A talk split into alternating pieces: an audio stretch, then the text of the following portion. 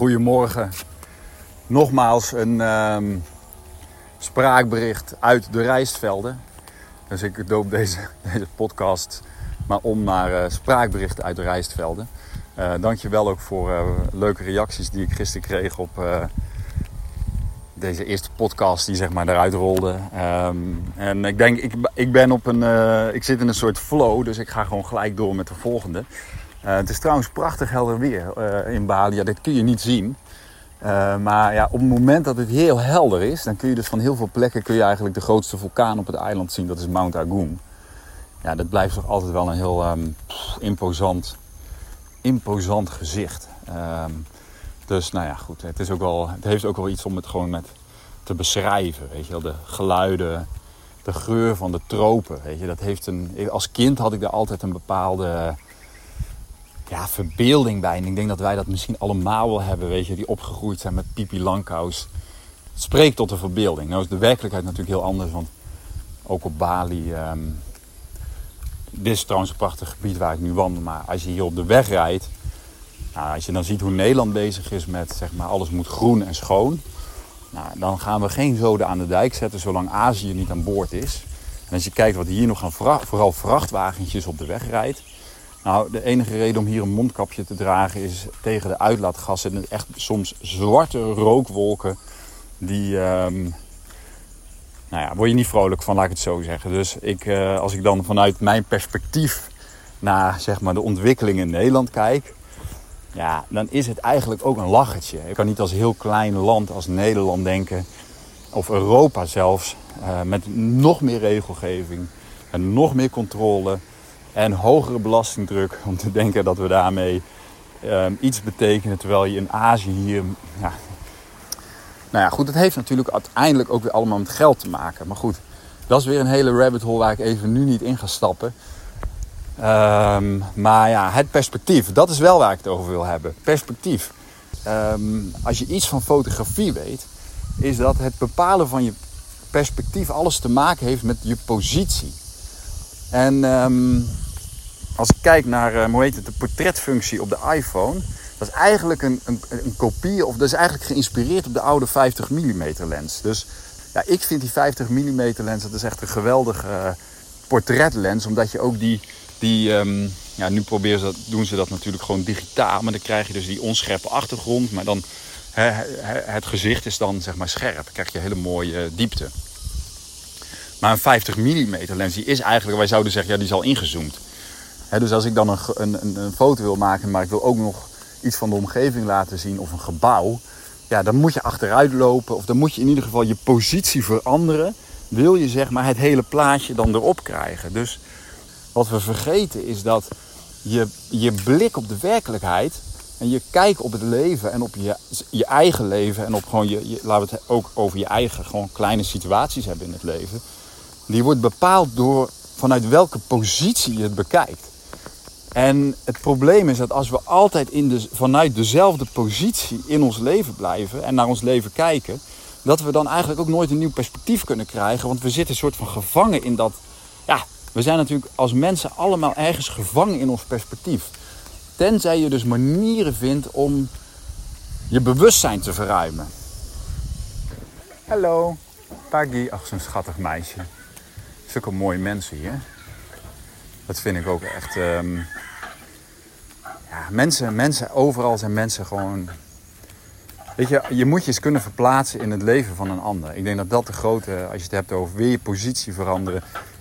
Weet je, de, de, de, de spirituele beweging die zegt dat alles één is, is voor heel veel mensen heel ongrijpbaar. Ja, wat bedoelen we daar dan mee?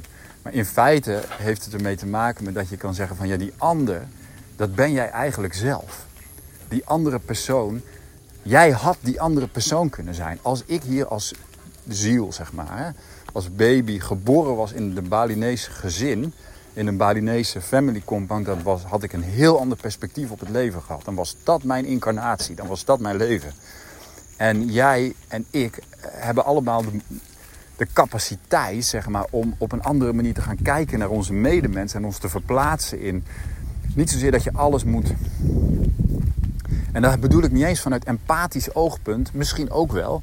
Maar gewoon dat je, Stel je voor dat je die ander was. Weet je, als we het hebben over oorlogen en als we het hebben over wat er nou ja, in Gaza gebeurt, dan zet je zelf in iemand anders zijn schoenen.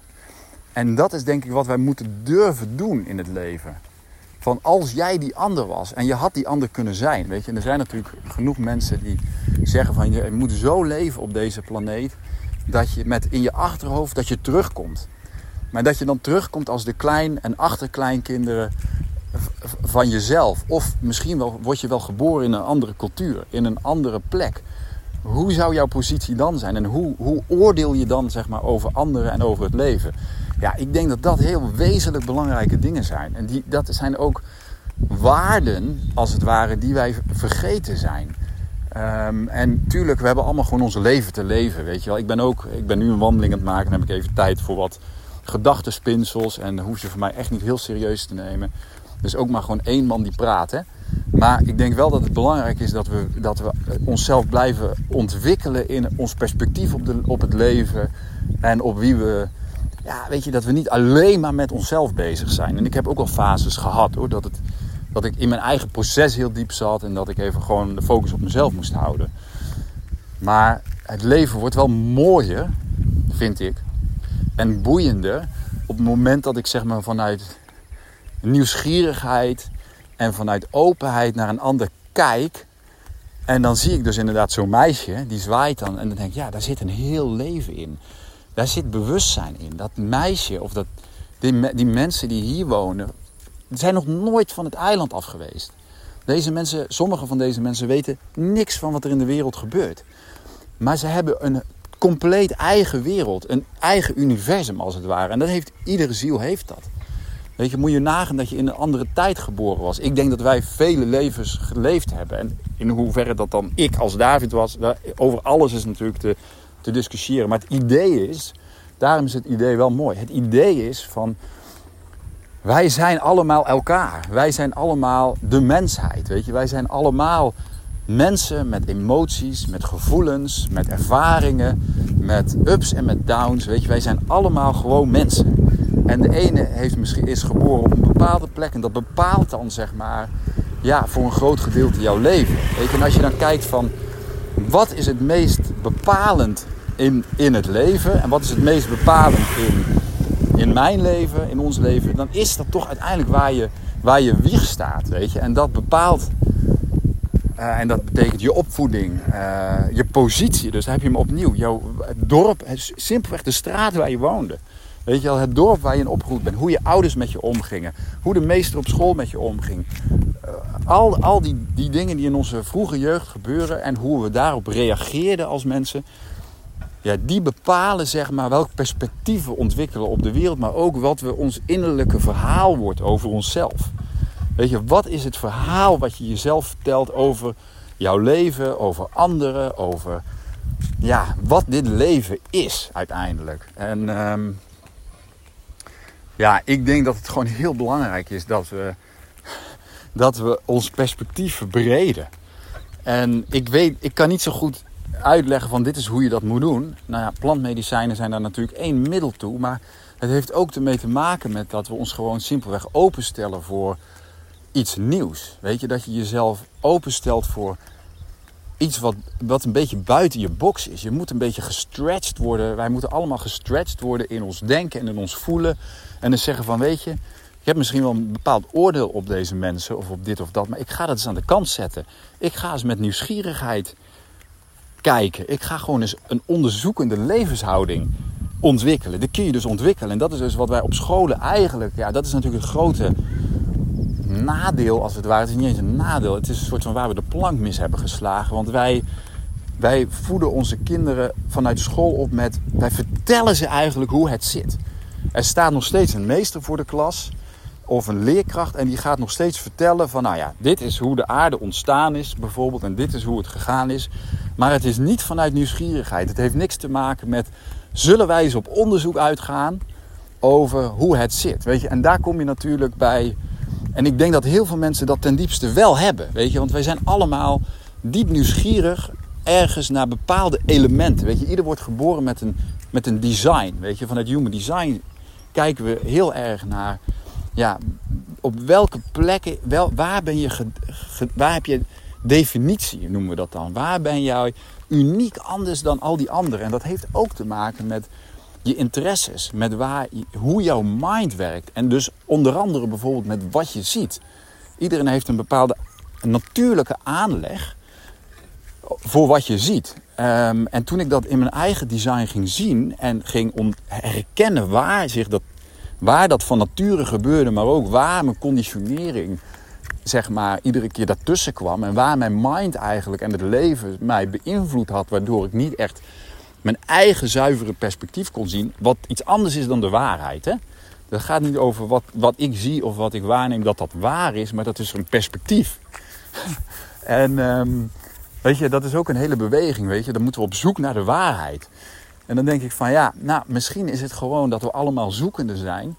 En dat die ene waarheid over het leven waar, waar mensen, die mensen graag willen hebben, dat het daar niet om gaat. En wat nog wel een um, goede toevoeging is op uh, perspectief, is dat eigenlijk je positie bepaalt je perspectief. Elon Musk die deed een hele interessante uitspraak over. Um, het ging natuurlijk over politiek en over X. Dat, um, en dat, op de, de aanklacht eigenlijk dat, dat X een soort van um, extreemrechts uh, bolwerk is. Hij zei van, if your position is on the far left... Hè, als jou, jouw positie is helemaal far left... en dan had hij het over een aantal universiteiten en universitaire bolwerken in Amerika... dan is iedere beweging naar het midden... die zie jij vanuit jouw perspectief als een beweging naar rechts. En ik denk dat dat, dat is de, de, de belangrijke vraag als het gaat over je positie. Als we zeggen van wat is eigenlijk je positie ten opzichte van iets. Dat is heel mooi hoe de taal werkt. Hè? Wat is jouw positie? Heel vaak denken we dan, oh, dan willen we weten wat je mening is. Maar feitelijk is de vraag, ja, wat is eigenlijk jouw positie? En het is een vraag die dus eerder aanzet tot een zelfonderzoek dan op het vragen van een mening ergens over. Ja, wat is jouw positie eigenlijk? Oké, mijn positie is, dit is hoe ik ben opgegroeid, dit is wat ik geleerd heb in mijn leven, dit is wat ik zie. Want dit is namelijk waar ik sta in mijn leven. En dan is het gevolg is dat je dus een bepaald perspectief hebt. En het is ook wel mooi om even toe te voegen dat human design ook best wel wat zegt over je perspectief. Voor ieder mens is er een correct perspectief. Uh, maar je kan alleen maar in je eigen correcte perspectief terechtkomen als je ook op een correcte manier gemotiveerd bent. Nou, over motivatie heb ik een heel artikel op, op mijn website gezet over motivatie vanuit human design perspectief. En over hoe wij allemaal van nature een bepaald motief hebben waarin wij zouden, vanuit waar wij zouden moeten leven. En, maar dat we vooral eigenlijk juist in het tegenovergestelde daarvan gaan. Nou ja, dat kun je terugvinden op mijn website. Maar op het moment dat je vanuit je correcte gemotiveerd bent, dan kom je op een gegeven moment ook op de juiste positie. En dat is zelfs heel letterlijk. Door het feit dat mijn positie nu letterlijk bijvoorbeeld Bali is, dat is voor mij mijn correcte, dat is voor mij de correcte plek om te zijn. Een, een, een verkeerde conclusie zou zijn dat dan die positie en dat perspectief wat daaruit voortkomt, dat dat dan de waarheid zou zijn.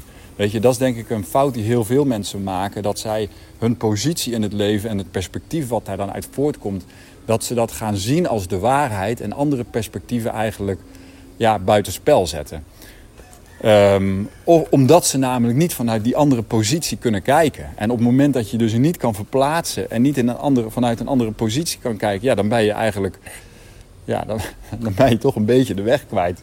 Uh, maar goed, uh, altijd met humor, hè? altijd um, niet, niet te serieus. Um, ja, dus ik, weet, ik, wist niet dat het een hele tirade zou worden hierover hoor. Dit, dit, dit ontstaat dus gewoon in het moment eigenlijk met het feit dat dat, ik dat, meisje zo, dat het meisje zo naar mij zwaaide.